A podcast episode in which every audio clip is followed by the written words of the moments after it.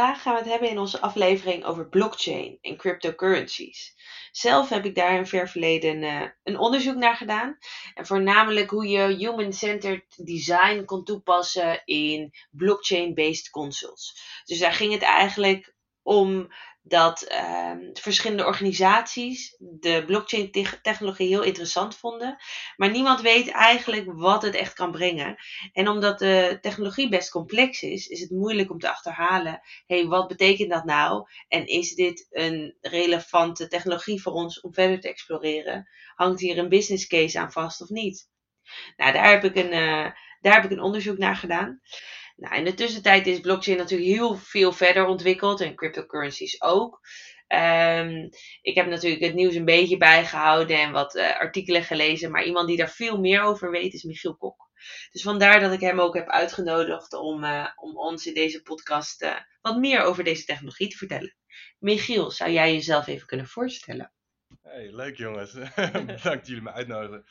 Um, ja, ik kan wat over mezelf vertellen. Ik um, ben nu reeds drie jaar binnen Capgemini. Um, een beetje autodidactisch mezelf op het uh, gebied van blockchain uh, uh, over de tijd wat wijzer gemaakt. Dat is allemaal ooit ontstaan op de tijd dat nou, rond 2017 echt de eerste publieke hype ontstond omtrent Bitcoin. Ja, toen ben ik daar ook nog een beetje bleu ingestapt en gaandeweg eigenlijk dat ook op werkvlak geprobeerd bij te houden je ziet daar toch wel dat er heel veel meer bij komt kijken dan alleen maar uh, simpelweg uh, Bitcoin. Um, uh, en zodoende eigenlijk ook vanuit werk steeds meer betrokken bij ook vragen vanuit klanten omtrent dingen zoals tokenization, smart contracts, et cetera. En zodoende dus ook hier. Dankjewel. Nou, het is goed om, goed om te weten en uh, goed, om, goed om te horen van je. Uh, het doel van de podcast hier is om te kijken wat zijn nou de mogelijkheden binnen, binnen blockchain en de use cases. Waar moeten we naar kijken? Uh, we gaan het niet hebben over alle technische aspecten daarachter, want daar kan je ook hele lange discussies over houden. maar dat even terzijde. Um, met dat in je achterhoofd, Michiel, blockchain. Mhm. Heel hoog over. Wat is dat nou? En wat, wat, wat is het concept waar we het over hebben? Ja, nee, het is goed dat je initieel het al aangeeft, want ik ben ook niet echt heel erg van de technische kant. Ik zeg ook maar van, uh, ik snap wat het internet is, maar uh, ik, ik, ben meer betrokken bij, zullen zeggen, de oplossingen ervan en niet per se uh, hoe, hoe werkt nou het internet technisch gezien. Eh, hetzelfde heb ik eigenlijk met blockchain. Ik zou je wel wat basisdingen kunnen vertellen, maar het gaat me meer om echte toepassingen richting het bedrijfsleven en, en, de impact eigenlijk die er is op normale mensenleven. Um, dus ja, zodoende, ja, wat, wat is blockchain? Ja, dat, we kunnen de technische definitie erbij pakken. Maar ik denk dat het interessant is om te gaan kijken naar wat, eh, wat voor soorten oplossingen worden er momenteel meegemaakt. Wat bestaat er al in de markt? Uh, en, en waar spelen, met wat voor vraagstukken spelen bedrijven nu? Uh, misschien interessant om dan direct daar maar eventjes kort in te duiken. Is wat, wat de grootste vraagstukken die we nu zien. Nou, je hebt initieel de, de, de makkelijkste uh, markt waarin eigenlijk blockchain direct werd toegepast. Zijn eigenlijk voornamelijk de financiële markten. Of het nou uh, supply chain is aan de meer richting de operations kant, of meer echt, uh, nou, als we kijken naar um, trade finance bijvoorbeeld, daar zijn echt de eerste um, collectieve samenwerkingen geweest. Naast natuurlijk gewoon de hele cryptocurrency hype die natuurlijk ontstond, die nog steeds heel erg zoekende is naar wat nou precies de, toe, uh, ja, de, toepassing is van heel veel van, uh, van de verschillende ja, protocollen die er eigenlijk bestaan. maar het voornaamste zit hem eigenlijk in directe toepassingen die we nu zien, die ook daadwerkelijk echt werken, zijn nou, transparante supply chains um, en nou ja, gewoon echt financiële oplossingen. En de eerste vragen die we nu bijvoorbeeld krijgen vanuit banken is hoe ze tokenization voor huizen, de huizenmarkt, kunnen toe gaan passen, maar ook op andere uh, markten. En, en waarom dan, kijk, een blockchain is een manier, even heel hoog over, om waarde-exchange te doen. Ja. Dus dat er geen tussenpartijen meer nodig zijn. Uh, waarom zou dat in zo'n geval relevant zijn, bijvoorbeeld bij tokenization? Ja, nou, een heel makkelijk voorbeeld is denk ik, als we nu kijken naar de huizenmarkt, uh, voor iedereen heel relevant en, en super actueel, uh, is dat ownership van, van huizen. Dus ja, ik kan misschien met mijn salaris dan een huis kopen. Eh, dan ben ik volledig eigenaar van een huis. Uh, op zich heel interessant en dan kan je daarmee dus waarde en kapitaal opbouwen voor jezelf. en dat is eigenlijk nou, de voornaamste reden waarom hypotheken natuurlijk versterkt worden. Maar daar zijn door tokenization zijn er heel veel verschillende variaties op te bedenken. bijvoorbeeld Ehm, waar eh, banken en pensioenfondsen nu samen aan werken, zijn bijvoorbeeld uh, vraagstuk van hoe kunnen we dat inzetten door bijvoorbeeld een fractional, dus een, een, deel van een, uh, het 100%. Dus als ik in plaats van als ik nu zelf een huis koop, koop ik 100% een huis.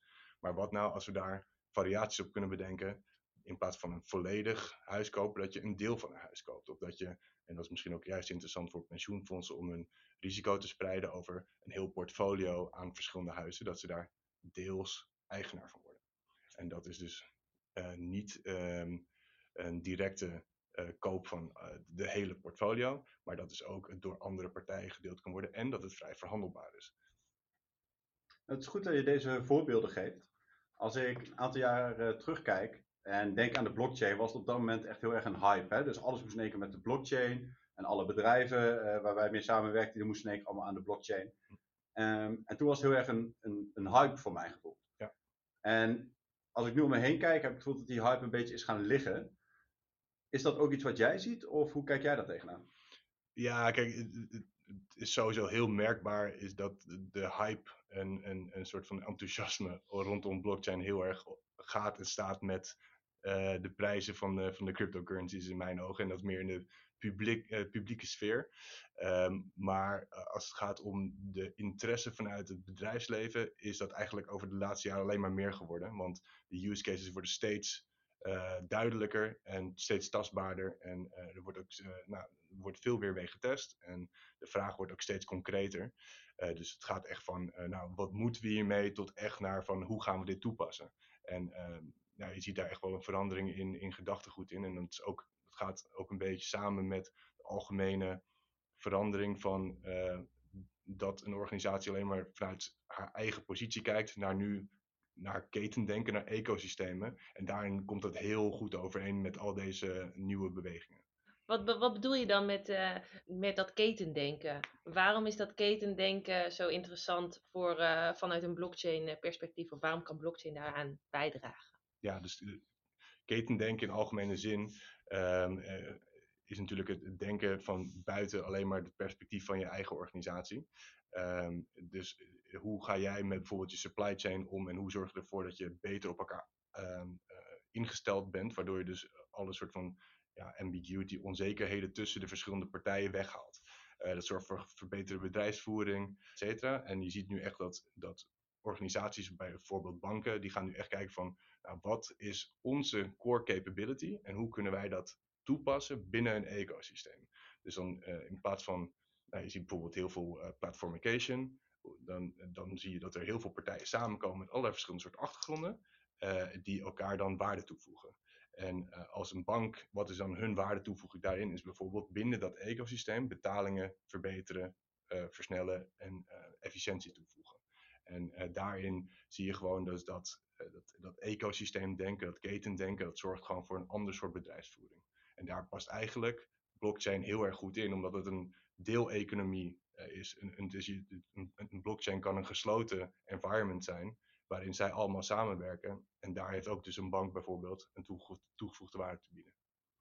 Goed dat je dit zegt, want nou, ecosystems, platforms, ketendenken, wat je noemt, dat zijn natuurlijk echt hot termen binnen de banken, uh, waarbij ze allemaal nou, op focussen en iets mee, iets mee willen doen. En je geeft eigenlijk aan dat de blockchain een mogelijkheid is om dit te faciliteren. Ja. Dus die onder, is ondersteunend aan een ecosysteem, is ondersteunend aan een platform. Ja, ja nee, absoluut. Ik denk dat het bijna, uh, het zou bijna synoniem worden uh, op den duur.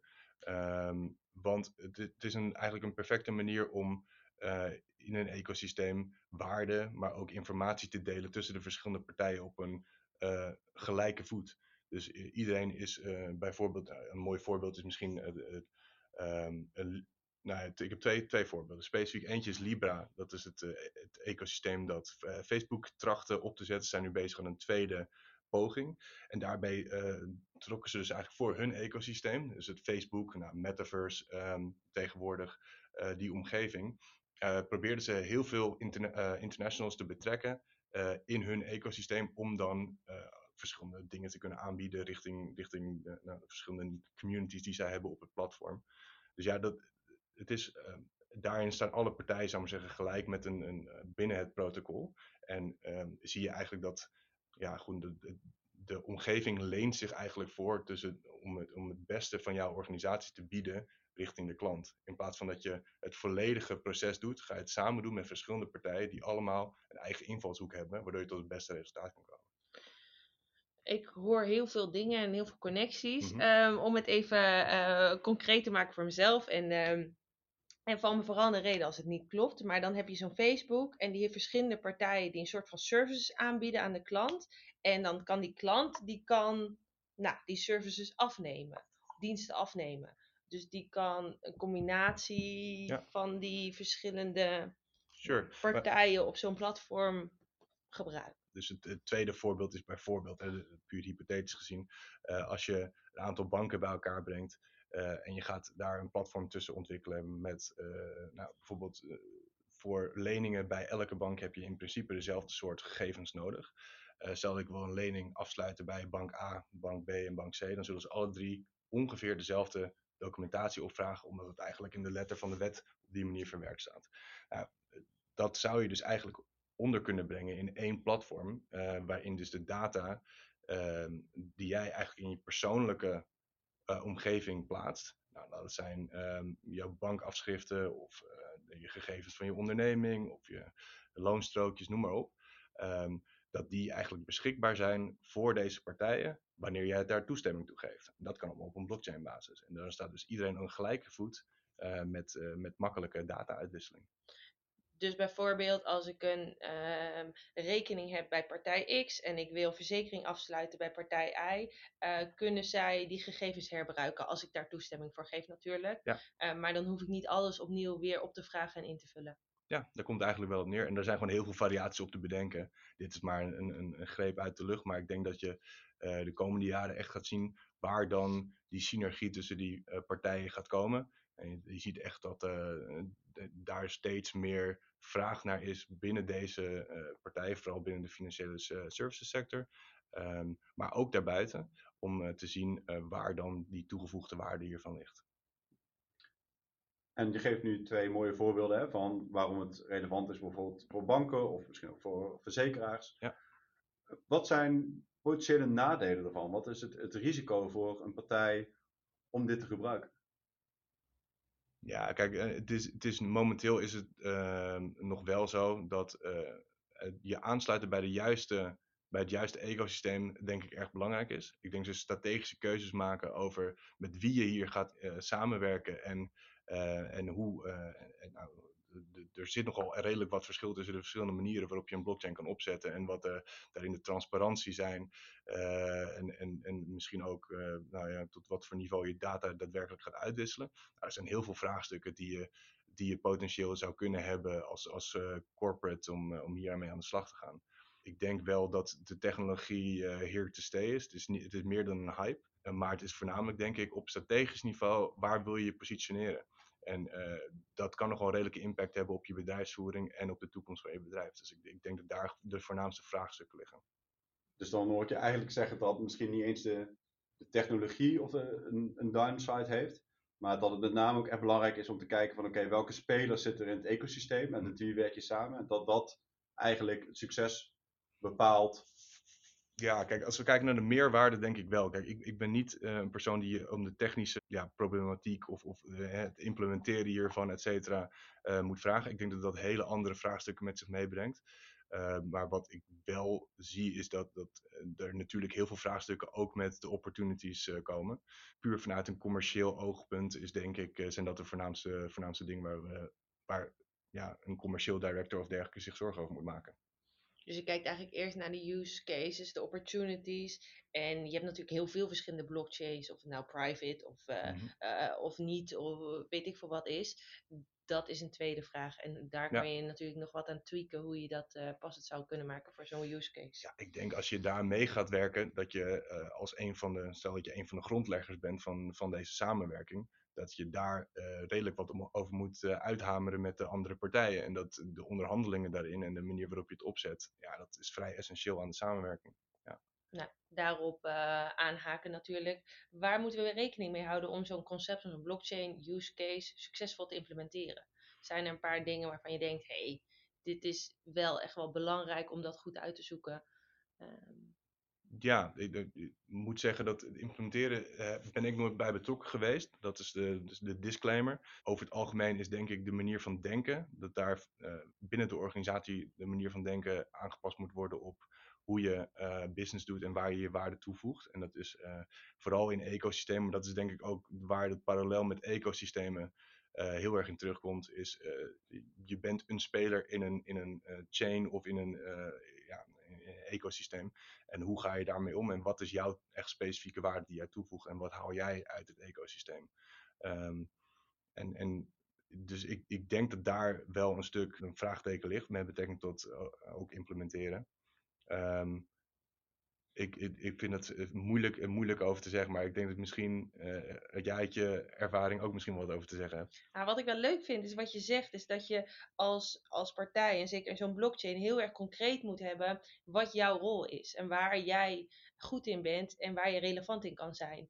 En dat je niet per se hoeft na te denken over het geheel, hm. of dat je overal goed in moet zijn, maar vooral moet zorgen dat je in één ding goed bent. En dat is natuurlijk wel heel anders. En die manier van denken, die is nieuw. Ja. Ehm, vind ik een, uh, een hele uitdagende. Uh, en dus zeker iets wat we met z'n allen denk ik moeten gaan leren. Ja. Hoe we dat dan gaan doen. Ja, dat denk ik ook. Ja. Ik nog een extra vraag over, uh, over de blockchain. Je hebt nu een aantal voordelen, hè, heb je al benoemd. en waar het aan bij kan dragen. Mm -hmm. En veel daarvan zijn volgens mij gerelateerd aan kostenbesparingen. Kosten die je anders zou hebben en die je door zo'n blockchain niet meer hebt of, of goedkoper kan. Zit er ook misschien aan de andere kant een verdienmodel aan? Ja, dat is heel moeilijk te zeggen en heel afhankelijk van waar je ook zit uh, binnen het spectrum. Hè? Want je hebt, je hebt zoveel verschillende uh, variaties op blockchain. Kijk, als we een beetje naar de, hoofd, ja, de hoofdhypes kijken momenteel die allemaal plaatsvinden. Bijvoorbeeld decentralized finance. Nou, je ziet dus bij decentralized finance, dat is natuurlijk uh, nou, van afgelopen jaar een heel opkomende industrie. Daar zit een hele duidelijke monetization strategie achter. Namelijk het swappen van tokens en uh, de kosten die daartussen zitten. Stel, ik, uh, je kan het heel makkelijk vertalen naar tokenization in algemene zin. Stel, ik heb een aandeel bijvoorbeeld van uh, Tesla. Ik kan die niet rechtstreeks met een aandeel van Shell verhandelen. Weet je, dat moet je eerst kopen, verkopen en dan nou, met, met tokenization kan je zeggen: ik heb een token van A en een token van B. En die kan ik rechtstreeks, ondanks dat het twee verschillende organisaties zijn, misschien zelfs verschillende blockchains, kan ik die in waarde tegenover elkaar verhandelen. En dat is dus op een, ja, dat is misschien een beetje complex om het uh, uit te leggen, maar je zou dus in principe kunnen zeggen, ik maak een token van Shell en een token van Tesla en die kan ik rechtstreeks tegen elkaar verhandelen, 24/7. En uh, dat is een beetje de use case van decentralized finance en daar tussenin wordt gewoon een percentage gepakt. Dan, dat, dat, dat, is een beetje de, een van de use cases daarin. maar we zien nu bijvoorbeeld ook dat de ING uh, nu daarmee aan het, aan het ontwikkelen is. Dus die zijn een eigen DeFi-platform aan het bouwen, DeFi Solution. Exacte, um, um, ja, hoe ze het exact in de markt gaan zetten, dat is voor mij niet helemaal bekend. Maar je ziet wel dat nu ook de gecentraliseerde financiële industrie ook met zulke soort solutions aan de haal gaat. En, en ja, het is nog maar de vraag hoe ze natuurlijk uiteindelijk in de markt gaan zetten en of het überhaupt succesvol gaat worden. Maar je ziet wel dat daar uh, echt een push van, van de centrale naar de decentrale uh, gaande is. En die zien ook dat daar heel veel geld in te verdienen, uh, dat er heel veel geld natuurlijk in valt. Hey, en we hebben nu heel veel gehad over de financiële sector. Zijn er nog andere sectoren waarvan je denkt, nou, dit, dit is ook een sector waar blockchain relevant in kan zijn, of waar we op moeten, waar we misschien moeten gaan kijken naar de mogelijkheden? Ja, zeker. Ik denk dat er heel veel verschillende soorten toepassingen zijn. Um, bijvoorbeeld in persoonsgegevens, zoals we eerder al een keertje aan hebben geduid. Dat kan natuurlijk ook op, een, op een internationaal niveau. Stel, we hebben nu tegenwoordig paspoorten, maar waarom zou dat niet op een blockchain kunnen vast worden vastgelegd? Uh, dat je, stel dat jij je paspoort kwijtraakt, nou, het is mij wel eens een keertje afkomen, dan zit je redelijk in paniek. Maar stel dat het dan vastgelegd wordt op een blockchain, dan heb je niet meer de angst dat je niet meer een product hebt om te laten zien wie jij bent. Want dat kan gewoon ergens teruggevonden worden uh, op een decentrale eh, eh, nou ja, decentraal platform, zodat ook niet eh, de kans dat dat verdwijnt ook vrij klein is. Kijk, dat zou ik handig vinden.